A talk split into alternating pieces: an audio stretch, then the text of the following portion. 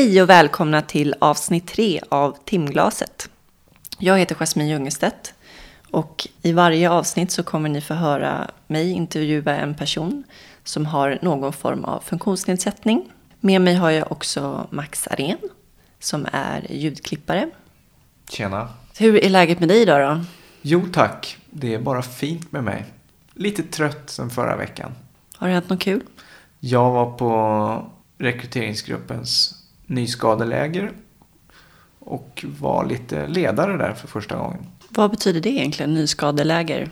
Ja, alltså det är folk som nyligen har brutit ryggen och som vi som har lite mer erfarenhet visar hur man gör när man klär på sig och hur man kör lite rullstolsteknik och tränar och sådär. Var du själv på ryggmärgsskadeläger när du var nyskadad? Jajamän, jag var på fyra stycken. 2005 första gången. Du då? Ja, jag var också på ett, typ två år efter att jag hade skadat mig. Det var intensivt, men det var bra att träffa andra i samma situation. Och man är ju mottaglig för någon som vet vad de snackar om. Alltså man tar in mer vad som är möjligt och vad man kan göra själv för att bli mer självständig.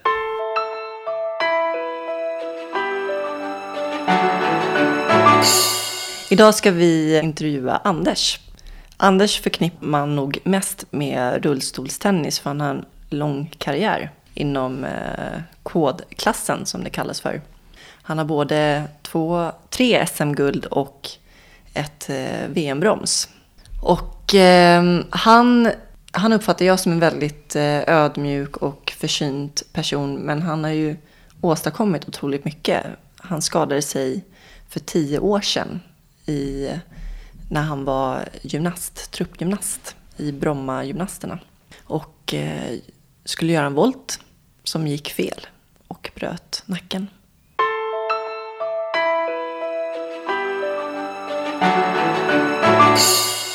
Det här avsnittet görs i samarbete med Invacare som är ett eh, av de största hjälpmedelsföretagen i världen. Och de har bland annat tillverkat min Kushal-rullstol som jag är väldigt nöjd med sedan tio år tillbaks. Så tack Invacare. Tack, tack. Här kommer Anders inrullande.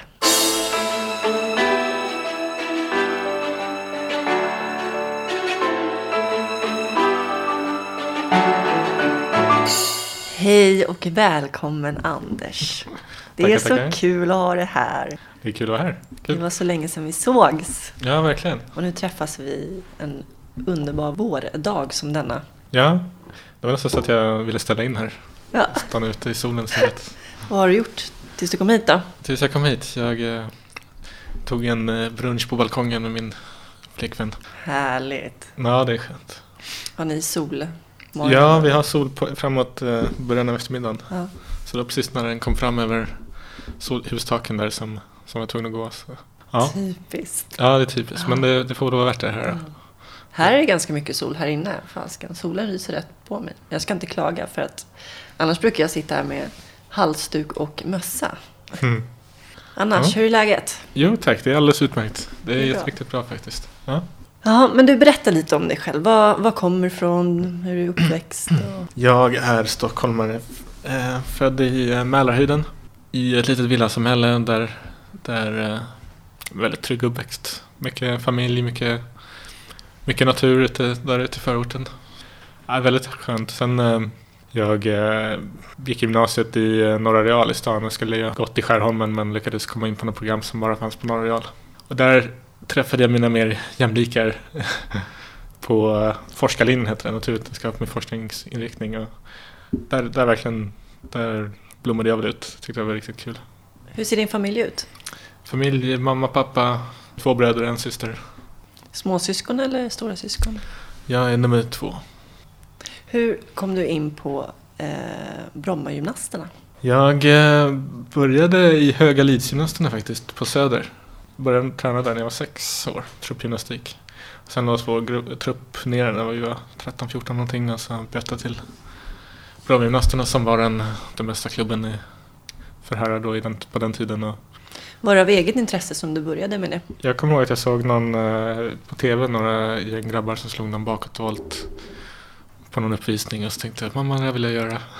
Jag researchade lite där och såg att du hade vunnit både SM-guld Mm, eller hur? I stämmer. trupp- Truppgymnastik. truppgymnastik. Ja. 2002 med Brommagymnasterna.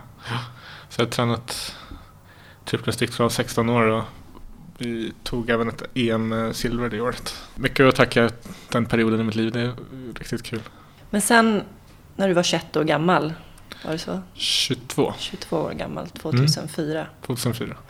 Då var det en volt som gick riktigt Ja. fel. Exakt. Man eh, har ju landat illa rätt många gånger som gymnast. Det är en del av grejen att lära sig en ny volt så måste man missa några gånger. Men det här var inte ens en ny volt utan det var mer ett uppvärmningshopp och så var man riktigt koncentrerad. Och jag tappade kontrollen och snurrade och landade rakt på huvudet. Och bröt nacken. Kände du någonting? Ja, absolut. Eller rätt sagt, när jag gjorde det så var det, för det första så var det väldigt mjuka mattor så att det var ganska säkert men det blev ändå fyra meters fall med lite rotationer i kudden liksom. Men eh, det var lite som att man slog en stämgaffel i ryggmärgen, eller ryggraden och sen bara försvann allting liksom. Alltså benen.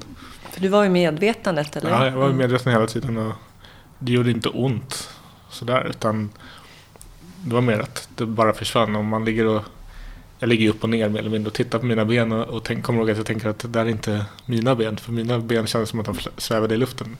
Jag kände inte mattan liksom.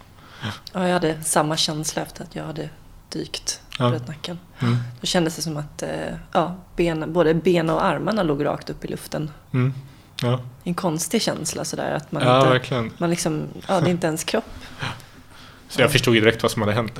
Eh, Du, förstod, du visste det? Ja. Liksom, du, Speciellt eftersom du hade haft en lagkamrat som hade gjort liknande saker ett halvår innan mig. Och jag hade varit där och, och eller jag var ju på den träningen han gjorde sig illa och han hade väl och du var med då också? och det, det sjuka är att han var och hälsade på just den här träningen och såg mig. eh, Livets ironi. Ja, verkligen. Så man visste lite vad man hade väntat sig. Och då hade man ändå tagit ett aktivt val efter hans skada. Att man förstår att det här är farliga grejer och att, men att man ändå hur hur illa skadad blev han? Ja, lite lindrigare faktiskt. Han eh, går utan stöd ganska bra. Men eh, såklart, han har ju han har ingen komplett skada. Och hans ena hand är sämre än vad mina händer är i alla fall. Du kan väl beskriva hur ditt funktions... Ja, jag kan ju berätta att efter de vecklade ut mig, jag låg upp och ner i en, i en hög liksom, på mattan. Och när de började veckla ut mig, när ambulanspersonalen kom och de började veckla ut mig och släppte lite i ryggen, då började det sticka lite grann i, i benen redan då. Och då började det göra lite ont också. Så fick man åka sjuk, eh, ambulans in till sjukhuset, man får ligga i sträck. De de skruvade in några skruvar i pannbenet på en. Försökte dra ut eh, ryggraden. I början har man ju alltså en, en svullnad på ryggmärgen som ligger och, och trycker på nerverna som, att, som gör att man inte kan röra något eller känna något. Men efter eh, två månader eller någonting så började jag kunna röra lite grann på ett finger och så blev det mer och mer. Så efter ett halvår så var jag väl ganska som jag är idag ungefär. Och det är att kunna röra på benen en del och jag kan ställa mig upp och ta några steg men jag har väldigt dålig balans och behöver kryckor och har ganska bra känsel. Men eh, det är många muskler som inte funkar som de ska. Och armarna och händerna. Ja, de är, de är okej. De eh, skulle kunna varit bättre de också. Framförallt har jag dåliga triceps och många muskler i hjärnan och fingrarna som inte funkar så bra. Men jag har ändå... Allt det, det viktigaste i fun- fingrarna funkar liksom. Jag kan göra de mesta grejerna men jag har dålig koordination. Även om jag kan göra de mesta grejerna så tar det väldigt lång tid liksom. Om jag ska laga mat så tar det säkert dubbelt så lång tid som, som innan men man får ta den tiden. Du, när du gjorde den där volten, tänkte du någonting då under fallet att det här kommer gå illa? Nej, jag tänkte att, eller man har ju tappat kontrollen förut. Det är en ganska, ganska vanlig känsla ändå när man, snurrar i luften sådär mycket. Men man brukar ändå landa någorlunda och med rätt sida uppåt. Men nu var det tänkt att jag skulle landa på, på axlarna. Så då behövdes inte så mycket fel för att det skulle bli riktigt fel. Ja, det är ju det som är grejen. Det är så hårfint just när man bryter nacken eller ryggen. Liksom Jo. minsta lilla man hamnar fel, det är ju då det... Ja, precis. Man har landat upp och ner många gånger förut men har Mm. fått ja, sträckt nacken lite eller något sånt. Men Så åkte du till Karolinska eller? Mm. Låg där i två månader någonting och det var, det var riktigt bra ändå. Det var, man var ledsen liksom första dygnet ungefär. Men sen efter det var, kändes det som att det var en ganska positiv period faktiskt. Det låter ju väldigt konstigt i mina öron. ja, jag kan tänka mig det. ja, första dygnet, men sen... vad, var det, vad var det då? Liksom, det- ja, hur tänkte du då, först och främst när du var ledsen då? Hur, gick tankarna då kring livet? Framförallt var jag ledsen för att jag var tillsammans med en, en tjej då. För hon, hon satt ju och väntade på mig att jag skulle komma hem och äta middag. Hon hade förberett någon fin middag för oss. Och, och inte ens kunna eh, ringa till henne och berätta att man eh, är där. Så att mamma var tvungen att göra istället och ringa till henne. Och den här tjejen pratar ju inte engelska och mamma är inte så bra på engelska. Så det, det kändes, den, den biten kändes rätt tungt då. Och då framförallt då som sagt första kvällen man ville att hon skulle vara där. Det var mer det att man saknade henne och kände för hennes skull. Men Beh- behövde hennes stöd också. ja, jo, absolut. Men hon kom. Ja, sen kom hon efter två dagar eller någonting och, och då kändes det ännu mycket bättre. Men jag tror det var tuffare för henne än, än för mig nästan. Hela resan. Men hon stannade hur ja, hon stannade, sen hon fick förlängt och stannade ett halvår till och sen eh, det höll inte hela så länge ändå till slut. Men ungefär ett år till efter skadan så gjorde vi slut och hon flyttade tillbaks. Men du hade ändå en viss erfarenhet av vad det, vad det innebär att ha en, en ryggmärgsskada i och med att du hade din kompis där och som Ja. också hade råkat ut. Är det, förresten, är det vanligt att man får en ryggmärgsskada i samband med gymnastik? Vi är, väl ett, vi är väl ett gäng i Sverige. Jag känner ett några till som, som varit med om det. Men innan, mig, innan den här killen då så var det nästan 20 år sedan den, den tidigare. Så det är inte sådär jättevanligt. Men nu efter jag så jag vet i alla fall två eller tre till på de tio åren. Så att, mm, det, är, det är en farlig sport, absolut. Hur såg du på din framtid? Jag har väl alltid haft mycket av mina intressen ändå varit sånt som inte är så fysiskt också. Jag pluggade ju matematik och datalogi på universitetet när jag skadade mig. Och eh, många intressen som att med datorer, spela dataspel och allting sånt kände jag att ja, men kan jag inte fortsätta med gymnastiken då kan jag i alla fall bli jävligt bra på schack även om jag inte ens kan röra på fingrarna. Så jag kände att det skulle alltid finnas saker som jag, som jag skulle kunna fylla mitt liv med som, som, skulle, jag- som jag skulle tycka var meningsfullt och, och roligt.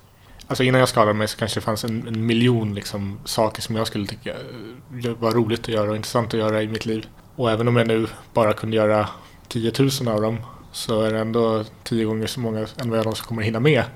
Och därför kände inte jag att det var någon större idé att, att krisa över, över det. Att, sen är det ju väldigt lätt att man jämför sig med hur man var innan och det är där som jag tror att de flesta blir väldigt besvikna och ledsna över. Men om man kan lyckas släppa det och, och gå vidare och tänka på allting som man fortfarande kan göra då, då kan man nog komma ganska långt ändå. Var gymnastiken en passion? Ja, det var det. Absolut. Och jag hade andra passioner. Jag spelade discgolf på somrarna, alltså frisbeegolf. Som jag... Gymnastiken var ändå en sån grej som att jag höll på i 16 år och jag hade varit på min topp liksom. Och man hade väl uppnått det mesta som man... Så jag var ganska klar med det ändå. Det hade inte hållit på så många år till men det är mer de här andra grejerna som man aldrig fick chansen till att göra som man kanske grämer sig mer över. Jag hade velat bli duktig på det här discgolf, frisbeegolf till exempel. Jag hade velat lära, lära mig att dansa, locking och popping och alla sådana saker. Liksom. Jag hade velat bestiga berg och allting sånt. Just det, kan du förklara också. Du har väl en inkomplett eh, ryggmärgsskada? Ja. Eh, berätta vad en inkomplett skiljer sig från en komplett ryggmärgsskada. ja, det betyder att alla nerver inte är av. Utan eh, vissa delar av musklerna framförallt är fortfarande funkar. Eh, vissa muskler mer än andra och vissa delar av musklerna mer än andra. Ehm, och även eh, känsel och eh, smärta och kyla och värme och sånt. För mig har jag ganska bra känsel i benen men eh, jag känner inte smärta och kyla och värme. Som om någon eh, slänger en, en hammare på tån på mig så kommer foten hoppa till och börja skaka men jag kommer inte känna det sådär. Det kommer inte göra ont. Jag kommer känna att den landade på tån men det kommer inte göra ont. När jag går då så är det lite som att ja, jag är ganska stark i låren, musklerna bara att kunna trycka. Men jag har ingen balans alls. Det är som att balansera tre stycken bollar ovanpå varandra ungefär. Så känns det när jag går. Så jag måste hela tiden hålla i mig saker och eh, och jag kan inte gå särskilt långt. Jag blir trött fort. Eh, mina knän tar mycket stryk och jag ramlar ofta. Jag använder rullstolen eh, 98% i min vardag. Liksom. Att jag kan ställa mig upp och ta några steg och så här, det är framförallt väldigt skönt när man eh, är ute och reser eller någon annanstans. Man ska förflytta sig från rullstolen till en Till annan exempel stol. kunna ta sig in på en trång toalett eller ta sig in på en restaurang när det är trappsteg eller någonting. Men i min vardag så går det så mycket lättare och snabbare för mig med rullstolen att det är mycket mer praktiskt. Jag skulle bara bli frustrerad om jag skulle stå upp hela tiden. Och jag vet många människor som har en komplett skada som gör just det. Att de, de vägrar sätta sig ner för att de, de kan stå och gå lite grann.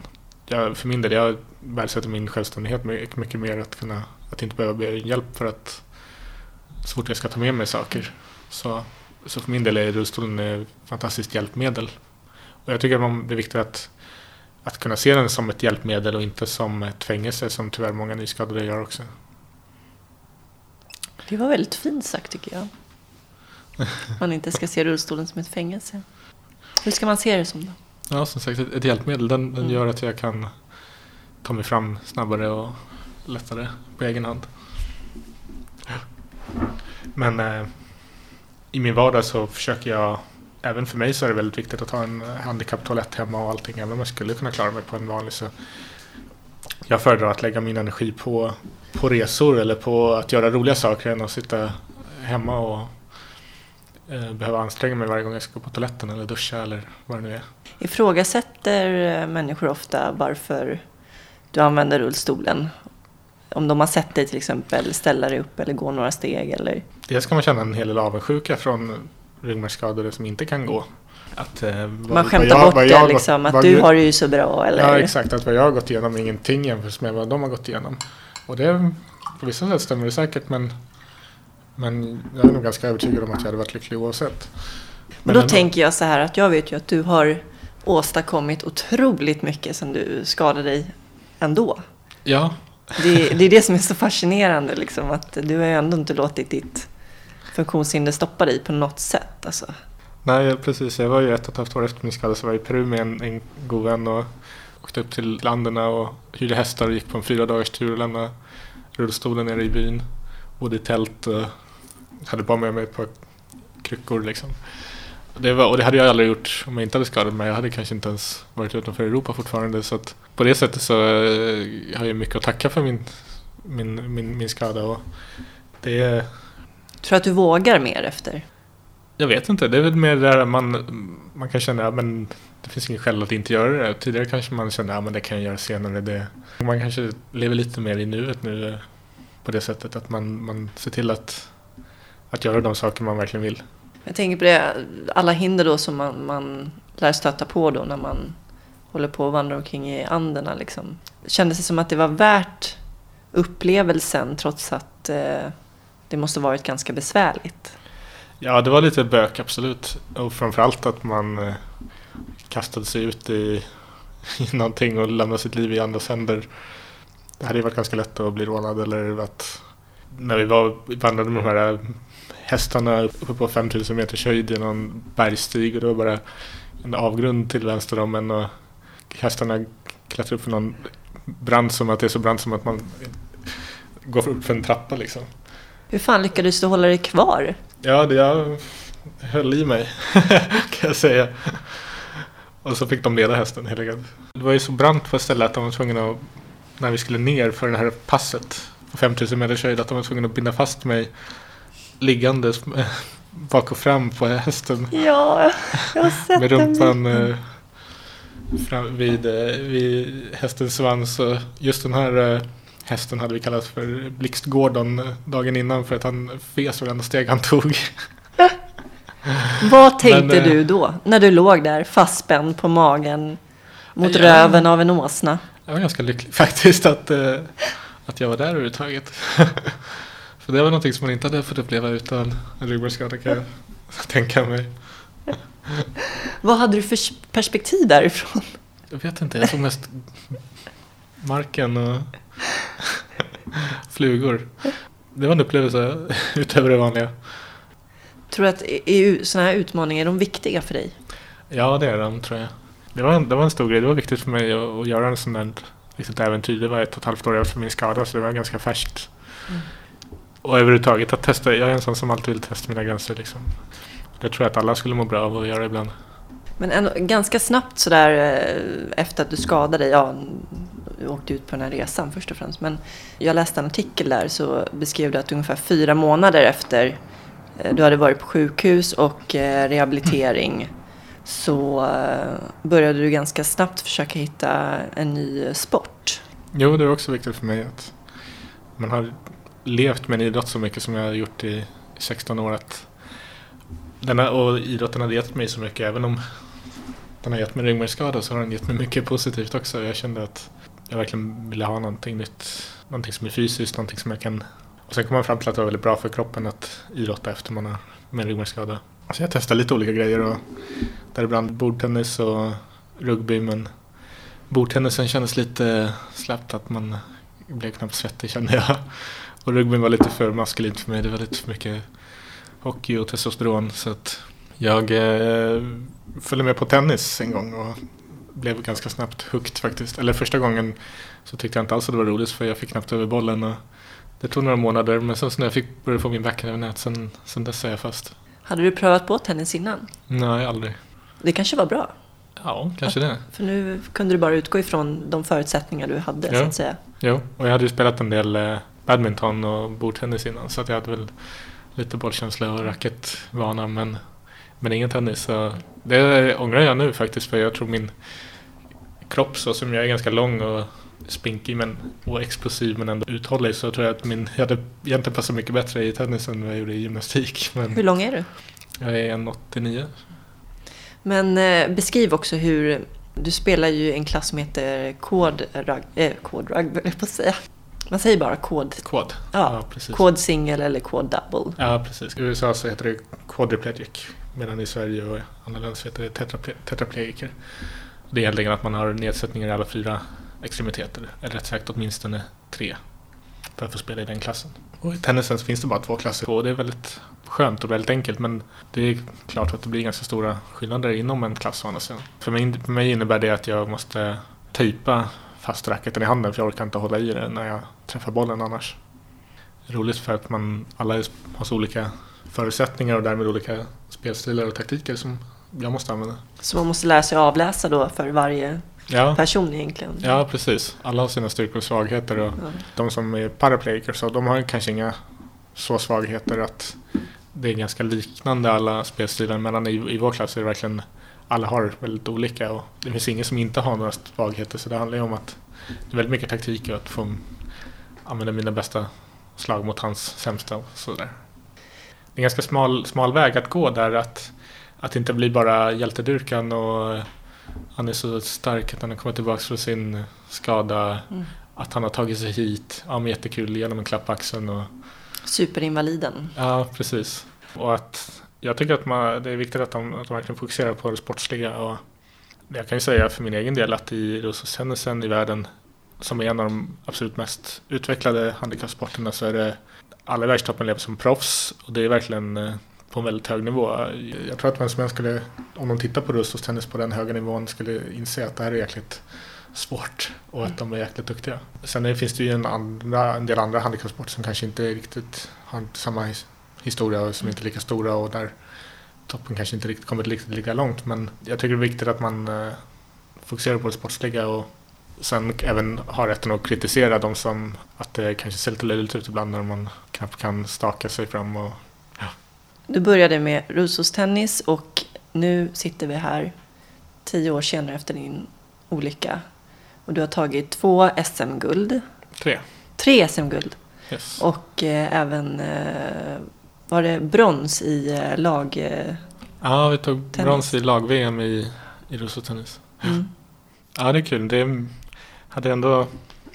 Jag var ändå ganska nära i Paralympics senare. Det var för det första en stor grej att ta sig dit och sen var jag ändå ganska nära att, att få vara med och slåss om medaljerna. Så ja, det var lite synd att jag inte kunde göra det. Och Berätta om resan dit. det är för det första väldigt tufft att, att kvalificera sig, i alla fall i min klass. För det är bara 16 i världen. Och, Nu pratar vi inför eh, London 2012 då, som du... Exakt. Och då är det ett, under ett års tid alla turneringar som man spelar på världstouren räknas med på en världsranking och sen eh, de 12 högsta där på den rankingen som får åka och sen så är det fyra wildcards. Så att man måste spela mycket och över hela världen olika turneringar för att överhuvudtaget kvalificera sig. Det måste ha varit mäktigt. Ja, det var Mäktig mäktigt att vara där. Det, var, det är ju en jättestor idrottshändelse och om man tittade på TV i så hade de en TV-kanal som sände hela dygnet runt från Paralympics liksom. Och hade bra talkshows på varje kväll och en, allting runt omkring som var väldigt stort och, och roligt. Sen eh, tror jag den största sportsliga för mig ändå var i januari förra året när jag kvalificerade mig till Australian Open. För det är nämligen så att i idrottstennisen så är vi med även i alla Grand Slam och spelar jäm, jämsides med de största stjärnorna i ATP och WTA-touren. Och då är det bara fyra i världen som får komma dit i min klass. Så då lyckades jag kvala in dit som, som fjärde man och det var riktigt häftigt. För där blev man första gången behandlad som en riktig professionell idrottsman. Ännu mer än på Paralympics. Det fanns eh, en eh, taxiservice då, bara ringa så körde de en hela grejen är hur man blir behandlad som, som, en, som en stjärna liksom.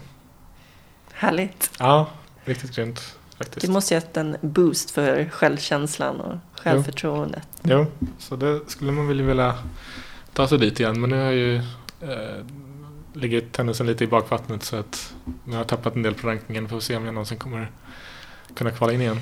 Ja, jag läste på din blogg där från eh, inför Paralympics 2012 i London att eh, det var ett tufft slut, skrev du.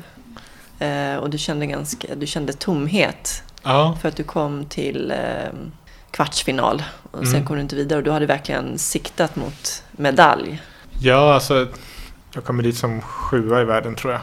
Och jag var väl, jag gjorde en jättebra första match och slog hemma, en av hemmafavoriterna och världsfyran i en tuff tresetare. Jag spelade riktigt bra och kunde göra det inför fullsatta läktare där mot, mot en av hemmaspelarna var riktigt stort faktiskt. Men sen förlorade jag mot, en, mot världsfemman som fortfarande är bättre rankad än mig och som han är väl får fortfarande vara favorit då på det sättet. Så.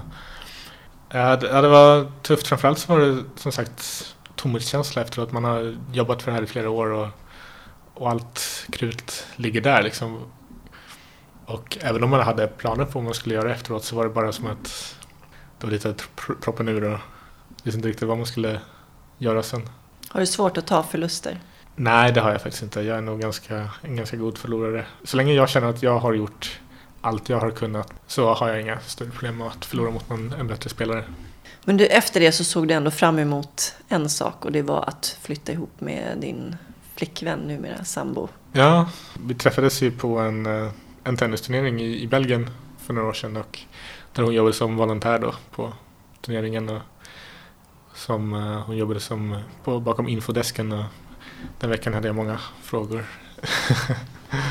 så vi hade haft ett distansförhållande i två år och det passade så bra när jag var klar med Paralympics så var hon klar med sin magisterexamen i, i Belgien också. Så att vi var lediga samtidigt och det var väl mer en fråga om vart vi skulle flytta. Om vi, men det blev Sverige och, eftersom jag redan hade en så bra lägenhet och allting. Så att hon är väldigt, väldigt driven och ambitiös och vill alltid ha saker att göra. Och jag, kan, jag är lite mer laid back tror jag. Men hon eh, har ju nu börjat doktorera och jag har börjat jobba. Så hon har väl pushat mig rätt mycket och fått mig att inte bara sitta och pilla med naveln och spela tennis utan även kommit, tagit mig vidare liksom. Så du har ett jobb härligt. nu? Ja. Mm. Jag jobbar som eh, mjukvaruutvecklare på en liten firma tillsamm- tillsammans med två gamla vänner. De har en liten firma och har anställt mig. Kul att vara tillbaka till det man faktiskt har utbildat sig till även om det var galet länge sedan. Och man kände som att man var rätt ute ur och hade glömt bort det mesta när man väl började men nu, nu börjar det komma tillbaks. Men när vi pratade på telefonen sist, då nämnde du någonting om att du höll på att ladda inför sommaren. Är det tennisen? Jag har väl ändå planen på att försöka kvala in till eh, Rio 2016. Så du kan inte låta bli ändå? Nej, jag, och jag spelar ju fortfarande tennis. Jag tycker det är så roligt. Så att det måste jag göra. Och eh, vi får se bara om jag hinner ha möjlighet att spela så många turneringar som, som krävs. Går det att kombinera med jobbet? Ja, de är väldigt, har ett väldigt flexibelt jobb och det är väldigt härligt. Jag kan eh, kompa in och kompa ut. Och, så att det ska nog gå att kombinera. Men jag kommer behöva gå ner lite arbetstid för att kunna hinna träna så mycket som jag behöver. Alltså det är ju väldigt imponerande hur du så snabbt efter din olycka ändå kunde liksom tänka om och få nya ambitioner, nya mål i livet. Tror du att ehm, tror du det har varit din räddning eller har det varit lite av en flykt också att fly in i det där idrotten igen eller? Nej, nej det tycker jag inte att det har varit en flykt. Jag kan ju förstå att man kan tänka sig så. När jag låg där på sjukhuset och inte kunde röra någonting så var utgångspunkten för mig var ändå att jag visste ju inte om hur mycket som skulle bli bättre. Man vet ju aldrig det när man ligger och har en svullnad. Man får vänta på att svullnaden ska gå ner innan man får se hur mycket man kan använda kroppen. Och om det inte skulle bli bättre överhuvudtaget från det här. Om jag inte skulle kunna göra någonting skulle jag ändå kunna vara lycklig. Och allting annat är en bonus liksom. Det var bara att köra. Det är väl en sån sak att rehabiliteringen är, har mycket med idrott att göra. Det är många samma kvaliteter. Man, man lär sig saker, man använder kroppen. Och, så att det kändes ändå som en ganska van miljö för mig. Och jag kan tänka mig att för många andra med andra bakgrunder så är det mycket tuffare. Så jag är ändå väldigt ödmjuk om att jag har haft väldigt, jag har glidit på en gräddfil i den här rehabiliteringen om man säger så. Och att kunna röra på benen kanske inte är riktigt lika stor grej som många vill eh, göra det till så är det ändå så att de, om man inte kan göra någonting, kan inte kan röra på benen överhuvudtaget och är helt förlamad så, så är det klart mycket tuffare än vad det har varit för mig. Har du blivit illa behandlad eller diskriminerad någon gång på grund av ditt funktionshinder? Det händer väl eh, ganska ofta att, man, att folk agerar annorlunda på grund av att man har ett funktionshinder. I de flesta fall är det väl inte illvilligt menat men eh, jag brukar säga till eller om det är för jobbigt så tar jag ignorerar dem och går någon annanstans. Liksom. Det är inte värt att lägga ner massa energi på, på, på folk som man inte vill anstränga sig för att förstå vad det innebär. Du vet om att det har kommit ett nytt lagförslag om att anse att otillgänglighet är diskriminering. Hur ser du på det? Har du läst lagförslaget? Ja, jag läste snabbt igenom det. Det är ju jättebra att det är på väg. Eh, nu fanns det ju ganska många undantag såklart. Men man kan säga att i USA har det där funnits länge. Över 20 år va? Precis. Och det är verkligen skönt när man är där att, att kunna, man vet att man kan ta sig in överallt. Man kan gå på toaletten på en, vilken restaurang som helst och allting. Sen äh, tycker jag inte alls om äh, den amerikanska attityden till funktionshinder i övrigt. Men det är ganska mycket äh, charity där, alltså välgörenhet. Och... Men har inte det med att göra att de har så mycket veteraner också? Att de på något sätt jo. känner någon skuld till alla stackare som de har skickat ut och blivit Jo, det också. Och även äh, religiösa det finns även i många håll i Europa att den religiösa välgörenheten att hjälpa en, hjälpa en funktionshindrad så får du gå till himlen sen. Mm. Det har man varit med om några gånger att det har kommit fram religiösa ja. som vill eh, Ja, det händer ofta. Och uppmana en att... Eh, I USA händer det nästan varje, gång, varje år jag är där att man åker hiss med någon och så lägger de handen på axeln på en och säger I'll pray for you tonight. Ja. Och man säger, men, det har jag också varit många gånger kan jag säga. Det finns väl andra personer som, som behöver det. Jag tycker det, jag tycker det är förolämpande att, ja. att, att, att, man inte ens kan förstå att man kan vara lycklig eh, ändå. Liksom. Mm. Jag menar om vi är lyckliga och kan leva med vårt funktionshinder. Ja, liksom, bara, liksom, bara förutsätta att man ska vara deppig bara för att man sitter i rullstol tycker jag är oförskämt. Och i USA, det är ju turneringar där, där man har varit de har alltid någon fysio så att man kan få massage mellan matcherna och det har varit någon, någon snubbe där som har gett en massage. Hela tiden, den han pratar om i en kvart är hur mycket mer pengar han skulle tjäna om han hade jobbat på sin vanliga klinik nere på stan istället för att vara här. Men då är man ju bitter. ja, då, då, är det bara men, dra då. Ja. Vi behöver inte det här liksom. Mm. Så den attityden, den attityden alltså. finns en del i USA och den är inte så, tycker jag inte så kul. Men hur upplever du attityden här då? Ja, jag tycker det är klart bättre än där tillgängligheten är ju, även om det är ganska bra, det finns bättre ställen och sen tycker jag det är lite fräckt att utnämna Stockholm till världens tillgängligaste stad utan några, eller huvudstad utan några grunder liksom. Va? Vem har gjort det? När hände det? Nej, det var väl för några, något år sedan. Det är ju katastrof, för att det, det är ju verkligen inte så. Det var ju deras eh, paroll liksom.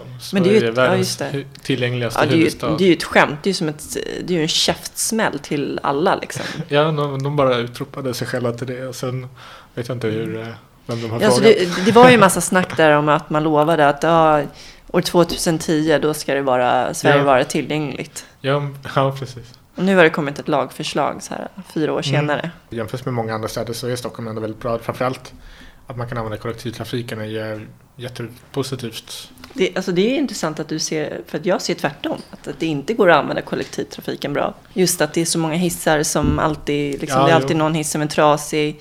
Det är inte alla bussar, jag menar om man inte kan ta sig upp, alltså att det räcker med att bussen bara sänks, om man inte kan ta sig in. Så Mm. finns det ju bara några få bussar som har den där äh, automatiska rampen. Jo, jo. Eh, jag bor i Järlasjö, där har vi Saltsjöbanan som är ju omöjlighet att komma upp på såklart. Eh, och bussarna där är ju inte tillgängliga, så jag kan Mm. inte ta mig hemifrån Nej. med kollektivtrafik. Nej, jag är Så lite mer mobil på det sättet. Jag kan ta mig in Mm. i de här bussarna. Och jag kan även åka rulltrappa i, i tunnelbanan när, om hissen skulle stå stilla och så här. Mm. Men jämfört med andra stora städer i Europa och i världen så är ändå Stockholms lokaltrafik ganska bra.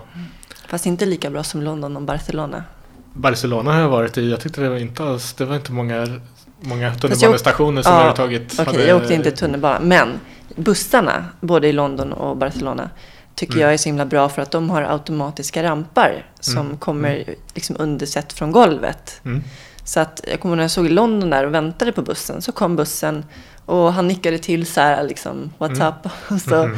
eh, behövde inte jag säga någonting utan han kom så nära trottoarkanten han kunde och så kom den här rampen ut automatiskt och jag rullade upp och det liksom rullade, det var inte svårare än så. Ja. De få bussarna vi har här då med den där en automatisk ramp, det är ju en ganska avancerad konstruktion. Man känner sig bara i vägen. Alltså. Mm. Det tar så lång tid att man ser alla människor sitter där och Mm. är stressade och man tycker synd om dem. Nej, det, det är inte så kul. Verkligen. Har du någon rolig anekdot att berätta från eh, där det har varit eh, otillgängligt? Ja, det roligaste är ju kanske när de påstår att det är tillgängligt och sen har de inte riktigt tänkt till liksom. det händer ju ofta hela tiden att här i Stockholm är det ganska vanligt att de, har en, de säger att ja, men vi har en hiss så är det tre trappsteg upp till hissen. Och man funderar på riktigt hur de har tänkt. Och det händer ju ofta, ibland så har de gjort så här tänkt superbra, handikapptoaletten ska vara skitstor liksom. Det ska vara, man kan vända en pansarvagn där inne. Så sätter man sig på toaletten och så, upptäckte man att det är tre meter bort till väggen där toalettpappret finns. och, Ah, man slutar aldrig förvånas. nej precis, så undrar man, har de testat det här själva eller? Ja. Nej, sen eh, när det gäller otillgänglighet så har man också varit med om en del i, Peru då när vi var där så har de lite en annan inställning. I, I Stockholm så har de ju utkastare utanför krogarna och så fort det är lite, minst lilla problem då, då säger de nej men du kan inte komma in här. Det, det, det funkar inte med rullstol liksom. De vill helst inte att man ska gå in. Känns det som ibland. I Peru var det lite annorlunda. Då hade de ju inkastare. Så man gick på någon gata utanför några pubbar och så ah, men kom hit, du får en gratis drink, kom in här, kom in. Och, och så kommer man in och så är det spiraltrappa upp till klubben är på toppvåningen liksom. Jag bara, men det här går ju inte. Jag tänkte varför vill jag inte ens komma in här? Så, Nej men det är lugnt, vi fixar det här. Så kommer det fyra små peruaner och tar tag i varsitt hjul och kutar Ja. upp för den här spiraltrappan med en. och sitter upp i rullstolen. Det är lite annan inställning i, Ja. än, i, än i Stockholm liksom. Och det känns ju ändå bättre, även om det är fyra peruaner som måste lyfta upp, den, upp en. Liksom. Ja, Då känner man ju sig mer välkommen, man är ju inte ett problem. nej. Här känner man sig mer som ett problem då om man inte Ja. ens tillåts att komma in. jo, Inte ens exakt. får frågan, ja, men tror du att det funkar även om vi har så många trappsteg? Eller Ja, att man inte ens kan bli liksom välkomnad på det sättet. nej precis. Men hur, hur känner du då när, liksom, när bara, man går emot en vägg? Liksom? Här i Sverige? Mm. Blir du ledsen? Nej, man blir förbannad på att de... Synen liksom att man... Samtidigt så är det svårt att klandra dem. De, vi behöver ju ha mer funktionshindrade som, som, som syns i samhället och som syns i media och allting. Och att folk inser vad det, vad det egentligen handlar om. Och eh, det är svårt att lasta den enskilda personen för det också. Mm. Men jag går ju hellre, tar mig hellre mina pengar någon annanstans. Så är det. När jag var i London och var på ett café. Så, eller jag skulle till café och de hade två trappsteg upp. Då var jag där med, med min sambo Janne så han kan ju dra upp mig från de flesta liksom, trappor och så. Men det jag uppskattade och som gjorde att jag kände mig välkommen och inkluderat och in, inte som ett problem det var att de hade en ringklocka bredvid dörren med en handikappskylt. Och en sån enkel lösning gjorde ju att Mm. liksom Okej, Det- om man inte kommer in då kan man ringa på klockan så kommer personalen ut och hjälper mig. Alltså bara det gör ju så otroligt mycket för ens eh, självkänsla och Ja visst. Jo, nej, det behövs inte så mycket. Och, man är inte exklude- exkluderad. Nej, precis. Och bara att folk medger att det är ett problem det känns ju ganska skönt ofta. Sen känner jag ofta att det är ganska många som förutsätter att man behöver hjälp eller man vill ha hjälp när man kanske inte alls vill ha det. Det kan också vara lite jobbigt när jag har varit med om att folk, när man försöker rulla upp för en backe, att folk bara tar tag i rullstolen och börjar tr- putta en liksom. Utan att fråga. Utan att fråga en. Så det tycker jag är Då blir det mer besvärligt istället. Ja, precis. Och jag ber nog hellre om hjälp själv än att... Ja, så brukar jag också känna att det tänka att man, det kan man säga till allmänheten att kom inte och hjälp spontant utan fråga först om, om man vill ha hjälp. För det kan bli ett större problem än att det faktiskt Ja, hjälper. verkligen. Och det är ofta så här, när, om jag står med mina... Om jag, om jag nu skulle gå med mina kryckor eller om jag skulle stå till exempel och jag börjar ska upp för en trapp. Det ser väldigt vingligt ut och folk eh, är alltid med. Liksom. Eller de, och så är det någon som börjar som får för sig att de ska hjälpa till. Så tar de tag i mig, då ramlar jag. Mm. För att jag har min balans liksom. Och så säger de, ah vilken tur att jag var där. Och, men om inte du hade knuffat omkull mig så hade inte det Ja. behövts funnits där liksom. Orka förklara då hela Nej. tiden. Liksom. Nej, precis. Och jag tror att man, eh, jag tror att alla vi i vår situation har fått, man har fått lära sig att, att be om hjälp. Eh, Jag tror inte, det är nog inte så många som har problem med det efter ett tag när man har suttit i rullstol. Liksom. Att man är för blyg för att Mm. be om hjälp. Utan jag tror att många, man, man blir tvungen att svälja sin heder Mm. och lära sig att kunna be om hjälp. Liksom. Det, det är viktigt för oss i vår situation. Då blir man ju mer självständig också. Ja, Om man kan acceptera mm. att man får den hjälpen. ja precis. Jag behöver mycket hjälp och även om jag kan stå, ställa mig upp och även om jag kan rulla rullstolen bra och ta mig fram det mesta liksom, så behöver jag, även jag mycket hjälp ibland. Och eh, jag tar mig inte upp för några branta backar direkt. Så att jag ber om hjälp liksom, när jag behöver det. Har du bil? Jag har bil och kör mycket. Och det är livskvalitet, så det är viktigt för oss. Speciellt, även om jag kan ta kollektivtrafiken så under vintern så är det ju, kommer utanför dörren så spelar det ingen roll om det är två meter till dit jag ska eller om det är tio meter eller en, en kilometer, jag kommer ingen vart. Hjulen bara spinner. Ja, man bara fastnar liksom. Och då är det väldigt skönt att ha bil och framförallt att ha bilen i, i huset i kalla garage, eller i varmgarage. När fick du beröm senast? Oj, bra fråga. Jag fick beröm igår förresten, eller i Mm. förrgår, på jobbet fick jag beröm. Mm. Vad har du gjort då? jag hade förklarat något komplext ganska bra för en, eh, en, användare. Hur kändes det? det känns bra. Det är alltid bra med beröm. Eh, vad, vad gör dig lycklig och vad betyder lycka för dig? Oj. Ja, det är, det är svåra frågor. Det är inte självklart på något sätt. Jag läste en, en väldigt bra bok nyligen faktiskt av eh, Daniel Kahneman. Det var ett stycke om lycka som jag tyckte var ganska intressant. Att de eh, särskilde för det första på lycka i lycka och att vara nöjd med livet. Att det är två ganska olika saker och även folk som har varit med om någonting svårt och har en väldigt tuff, tuff livssituation kan vara väldigt lyckliga i sin vardag. Liksom. Att det då handlar mycket om att man gör saker på, i sin vardag som man hellre skulle fortsätta göra än sluta. Och jag tycker det är en ganska bra sätt att definiera den sortens lycka. Att man gör vettiga saker med sitt liv i, i vardagen. Liksom. Jag är nog eh, väldigt lycklig över att kunna vara lycklig på båda sätten. att jag är väldigt nöjd med, med hur mitt liv ser ut, eh, vad jag gör och hur, vart jag, framförallt vad jag är på väg i livet. Med eh, samboförhållande och med jättebra jobb, perfekt jobb egentligen. Och Det betyder mycket. jag tror att, ja det betyder verkligen mycket. Jag tror att alla funktionshindrade skulle må bra av att Ha en jobba. sysselsättning. Liksom. Någon slags sysselsättning som gör att man fyller vardagen och som Det är så många som bara sitter hemma och, och eh, pillar sig i naveln och Även om man bara kan jobba 25% så är det oändligt mycket bättre än att inte göra någonting alls. Jag satt ju hemma ganska mycket där ett tag när jag eh, i början efter min skada och man var singel igen och jag hade tennisen som, som kunde hålla mig flytande men det var ändå bara, jag säger fyra, fem gånger i veckan och de timmarna liksom. Och resten av tiden satt man och bara uggla framför datorn eller vad man nu gjorde. Det är inte bra på något sätt. Man känner inte att man, man, känner, man mår dåligt. Till slut så skiter man i allting och, ty- och tycker att bara att gå ut och handla mjölk är jobbigt. När man väl har en sysselsättning och man gör saker och ting, då är det mycket lättare att bara hålla tempot uppe liksom. Då tar man tag i de här sakerna som man Mm. kanske inte, som man bara skjuter framför sig annars. Och det intressanta är att det gäller ju inte bara personer som har en Nej, funktionsnedsättning. verkligen. utan det är ju verkligen samma sak man har sett Jo, absolut. personer som inte har. Att de hamnar i man hamnar i det träsket liksom. Jo. Man gräver ner sig och Jo, det är ju det som gör en deprimerad om man inte har det. Exakt. Och där tycker jag att folk med funktionshinder ofta, de får ofta det påpackat liksom. Att man inte bara får sin fysiska status förändrad och rehabilitering och allt vad det innebär. När det väl är över så, så är det lätt att man hamnar utanför samhället. Att man blir arbetslös eller förtidspensionerad eller någonting. Och att man hamnar utanför samhället när man egentligen inte hade behövt det. Liksom. Kan du komma tillbaka till ditt gamla jobb så gör det. Oavsett om du måste vända papper på, i receptionen eller vad som helst. Bara att göra det är, är värt mycket. Sen kan man ju gå vidare efter det. Men, men jag tror att det är, det är väldigt viktigt. Och jag hamnade ju lite mellan stolarna eftersom jag eh, skadade mig när jag som student då.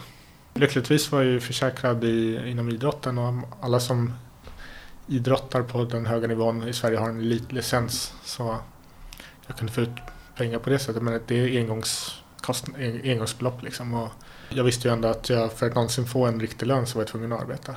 Och det har väl hjälpt mig en del att gå vidare liksom. Det är många som inte har den pressen. Som eh, kanske skadas i trafiken eller någonting. Och, och har en eh, lön på kontot då, varje månad oavsett om man gör någonting eller inte.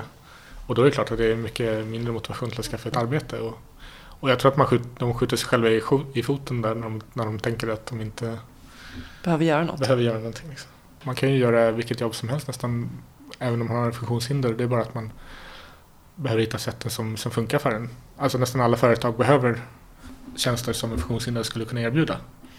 Alla måste ju inte gå ut och snickra och så här. Och det ska inte vara ner välgörenhet att ja, men vi anställer någon bara för att, eh, ja, för att vi måste. Utan det ska ju vara att de ska göra något, ett jobb. Liksom. Hur ser du på ryggmärgsskadeforskning? Är det någonting som du går in och kollar på nätet då och då eller? Nej, verkligen inte. Utan eh, väl kul att de, att de jobbar på det överhuvudtaget. Men eh, jag har, man har ju sett så många videos med någon eh, som har kommit på något exoskelett som ska göra ryggmärgsskador kan gå. Det där känns verkligen som, nej, jag, jag tycker det är värdelöst. Alltså det är som, det är verkligen ett exempel på folk som, som tror att de vet vad ryggmärgsskador är. Vad som gör ryggmärgsskador lyckliga när de själva verket inte alls Då tänker jag på nyskadade, alltså i 90% av fallen så säger ju de att eh, jag har hört om den och den råttan eller den stamcellen och där i Thailand där Mm. gör de dittan och dattan och, och sådär. Och då blir man själv lite kluven då hur man ska hantera det därför att man vill ju inte bara... Krossa deras drömmar Ja. där och då. Ja, hur tänker Nej, du kring det? Hur Kanske, brukar du Egentligen bemöta? kanske det skulle vara bättre att göra det. Men nej, det är väldigt många som eh, direkt efter skadan. För det första tror de inte att de någonsin kommer bli, bli lyckliga om de inte kan gå. Så att det enda de sitter och väntar, de bara sitter och väntar på att de bara ligger och väntar på att de ska kunna gå igen. Och det blir man bara olycklig av tror jag. Man får utgå från den situation man har just nu och om man inte skulle bli något bättre än det här kan jag fortfarande bli, vara lycklig liksom. Jag tror att det är man får börja där och sen så får man se. Allting annat är en bonus. Alltså spontant så tänker jag ju så här kring det att jag är ju inte heller, jag bryr, jag bryr mig inte överhuvudtaget hur det går med forskningen. För jag känner att den dagen man kommer på något revolutionerande då kommer vi bli de första som får veta det. Ja, precis. För vi lever i ett sådant samhälle att vi är så, pass, så pass långt fram i utvecklingen när det gäller det medicinska att, att de kommer ringa upp oss. Liksom. Ja, nej, det är nog, det är nog många år tills dess och det är mycket möjligt så att det är de nyskadade som kommer få, kommer få eh, vara de som är... Men det sa de till mig också för 15 år sedan. Ja, Då sa läkarna, du är så ung.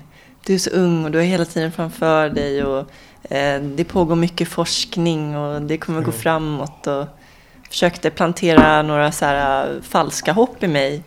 Fast Ja, då det- visste de ju inte att jag var en ganska realistisk person så jag kände inte riktigt att det var något för mig nej, det att eh, bygga upp ett hopp på. Men eh, du Max blev ju inte ryggmärgsskadad på grund av en eh, traumatisk olycka på det sättet utan du fick ju en infektion.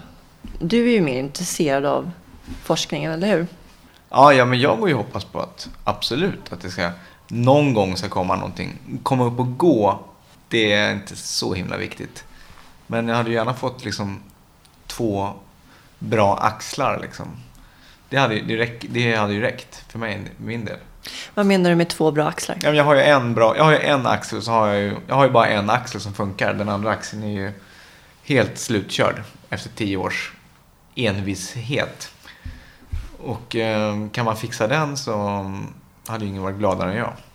Så din, egentligen nivån för dig ligger ju på det lilla som kan förbättra så mycket.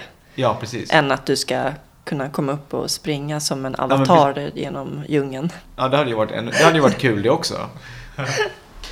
Ja, det är lite sådär att lustigt nog så det med jag har märkt, jag har jobbat ganska mycket ryggmärgsskadeläger och så här. Träffat väldigt mycket folk över hela världen och de som, eh, man vill alltid ha lite till liksom. De som, är, eh, de som har ont i knät, de vill gärna kunna gå som vanligt. De som har blivit av med Eh, en fot, de vill gärna ha sin fot tillbaks. Så de som har är ryggmärgsskadade och har brutit ryggen och inte kan använda benen, de, de vill kunna gå. Och de som har brutit nacken och har problem med händerna, de vill ha händerna tillbaka. Så det är det som är viktigast för dem. Jag tror att den, den tanken att man jämför sig själv hela tiden med, med andra är, är ganska destruktiv. Och jag tror man mår bäst i att utgå från egna förutsättningar och känna att man kan vara lycklig ändå. Alltid hitta sin egen lycka i det. Och som sagt testa sina egna gränser. Det är, för vissa kanske det är att besöka Mount Everest, för andra kanske det är att, eh, att rulla upp för backen och handla lite mjölk på ICA själv. Nej, hela, hela grejen att man måste stå upp för att vara lycklig. Det är på något sätt, när man själv har kommit ifrån det lite grann så inser man hur absurd tanken är. Liksom. Om du fick leva om ditt liv, vad skulle du göra då? Jag hade nog hamnat i rullstol oavsett. Jag, jag har inte varit så rädd av mig. Jag eh, gjorde rätt mycket farliga grejer även innan jag skadade mig. Jag åkte snowboard i off-pist ute i där man inte fick åka ibland och jag klättrade i träd och klättrade upp för klippor och tyckte om lite adrenalin junkies och där. Så att eh, jag, ty jag, tycker jag har fått väldigt mycket positivt från eh, min ryggmärgsskada också. Jag träffar så många bra människor och jag har lärt mig väldigt mycket om livet som inte jag skulle vilja byta bort sådär enkelt att jag hade nog gjort samma val ändå. Tack Anders. Tack för att jag fick vara med.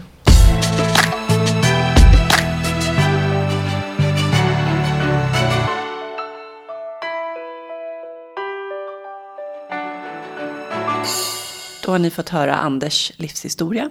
Och jag måste säga att jag är otroligt imponerad hur han så tidigt efter han skadade sig återfick livsviljan igen. Men det här med att vara ledsen en dag. Det, det kan inte... Det kan, alltså jag var, jag var, man var ju helt sänkt ett år efter. Ja. Visst, normalt sett så tar det väl några år innan man återhämtar sig liksom. Men han körde på som bara den. Och är fortfarande glad och lycklig och en grym förebild och person måste jag säga. Heads up för dig Anders. Vi kom ju in lite på det här med diskriminering mot slutet där. Har du varit diskriminerad? Jag var på Melodifestivalen i vintras så var jag på finalen. Och alltså bara att ta sig dit med taxi. Vi snackar om eh, Friends, Friends Arena nu. Friends Arena, ja. Mm. Det är ju ett jävla skämt. det är Eh, ett det är skämt. ett stort skämt och jag blir förbannad bara av att prata om det. Jag var ju där på invigningen. Det var jävligt kall vinterdag och tänkte att nu är det en ny arena som är jätteanpassad och bra för rullisar. Liksom. Först och främst så tog det 100 år att komma dit med färdtjänsten för det är ju typ bara en gata som går fram till arenan. Och det var smockat med människor och det var bara kaos Och så finns det bara en hiss. huvudentrén så är det ju liksom en sån här jättetrappa och så bredvid så är det en enda hiss. Hallå, Friends Arena som rymmer, vadå, 50 000 pers. Och så har de en hiss för oss skröppel. Vad är problemet? Jag kom fram till den där jäkla hissen. Jag skämtar inte när jag säger att det var en kö på 100 meter. Så man satt ju där och höll på att frysa häcken av sig. För det tog hundra år att komma upp i den här jävla hissen som dessutom inte är särskilt stor. Man fick plats kanske max tre rullstolar i den. Så jag var ju, jag. Ja. ja, så jag var ju typ nedfrusen när jag liksom var på... Ja, så kom man upp i den här hissen. Vad hände då? Jo, då måste man rulla typ halva arenan bort. Handikappentrén är på andra sidan arenan. Så man måste glida runt, ja, glida runt hela huset. Och det är ganska, det är ganska rejäl byggnad. Men i alla fall, jag skulle på efterfesten efteråt. Ja. Och då var jag nere i, i källaren. Och så fick jag då åka hissen upp. Och då kom jag till första våningen. Det här är för sig inte så mycket med eh, själva arenan att göra. Men då var det liksom, ja du, du får bara åka hit. Men festen är ju morning upp, sa jag då. Nej, men du har inget guldarmband. Du har bara ett silverarmband. Det är bara de som har guldarmband som får åka hiss högst upp. Nej, men hur ska jag ta mig upp då? Du måste skaffa ett guldarmband. Nej, men jag sitter ju i rullstol. Det finns inget annat sätt att ta sig upp. Ja, du får gå bort till disken där och be att få ett guldarmband. Och jag bara, ja visst. Gick jag bort till en, ett staket som var där. Och bara, hej, jag måste till disken där borta. Ja, tyvärr, du får gå runt utanför. Jag bara. Prata lite, men nej, jag fick gå ut, gå runt, ställa mig i kö fem minuter, gå in och bara, hej, jag behöver ett guldarmband. Och Alltså jag blir så förbannad så att det kryper i hela Ja, kroppen och på mig. guldarmband, och de också tittar på mig. Så vad ska du med ett guldarmband till? För jag vill åka den där hissen som är där borta, 10 meter bort. De tittar på mig som jag liksom, ja, ja, ta ett guldarmband då. Och så kom jag upp till festlokalen och eh, frågade någon vakt, jag behöver gå på toaletten. Och det visade sig att det finns inga handikapptoaletter vid festlokalen. Så jag fick hjälp upp med en vakt att åka hiss igen, rulla 50 meter på ett matt golv till toaletten medan han stod och väntade på mig medan jag var på toa.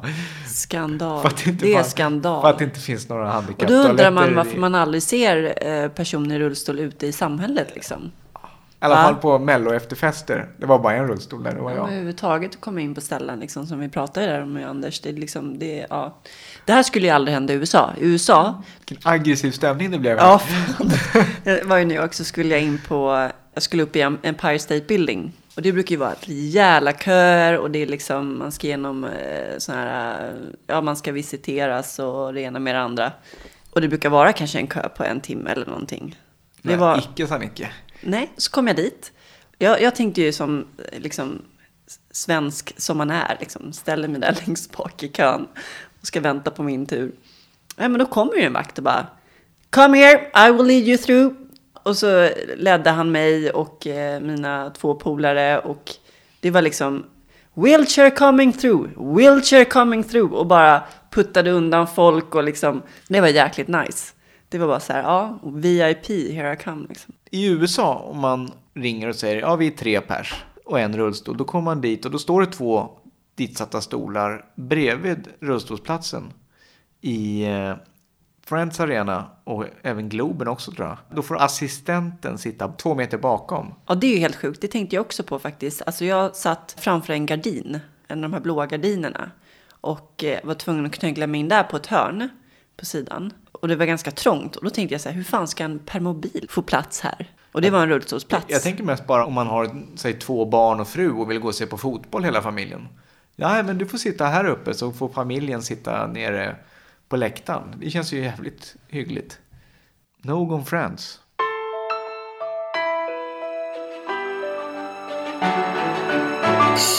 Tack så mycket Invacare för att ni eh, samarbetar med oss. Största hjälpmedelstillverkarna i världen. Vi har en hemsida, timglasetpodd.se. Och eh, där kan ni kommentera de olika avsnitten. Och ni kan även mejla till oss för tips och råd om olika personer ni skulle vilja höra i vår podd. Ni mejlar till kontakt timglasetpodd.se. Vi finns även på Instagram och Twitter. Hashtag timglasetpodd.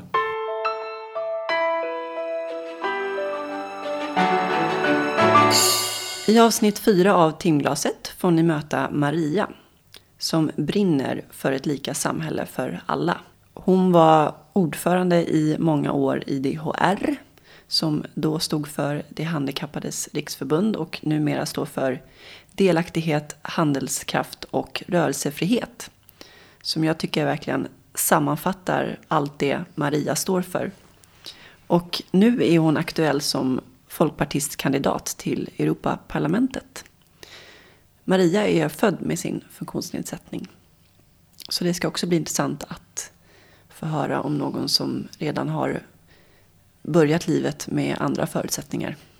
Tack för denna gång och ha en grymt bra vecka. Hej då!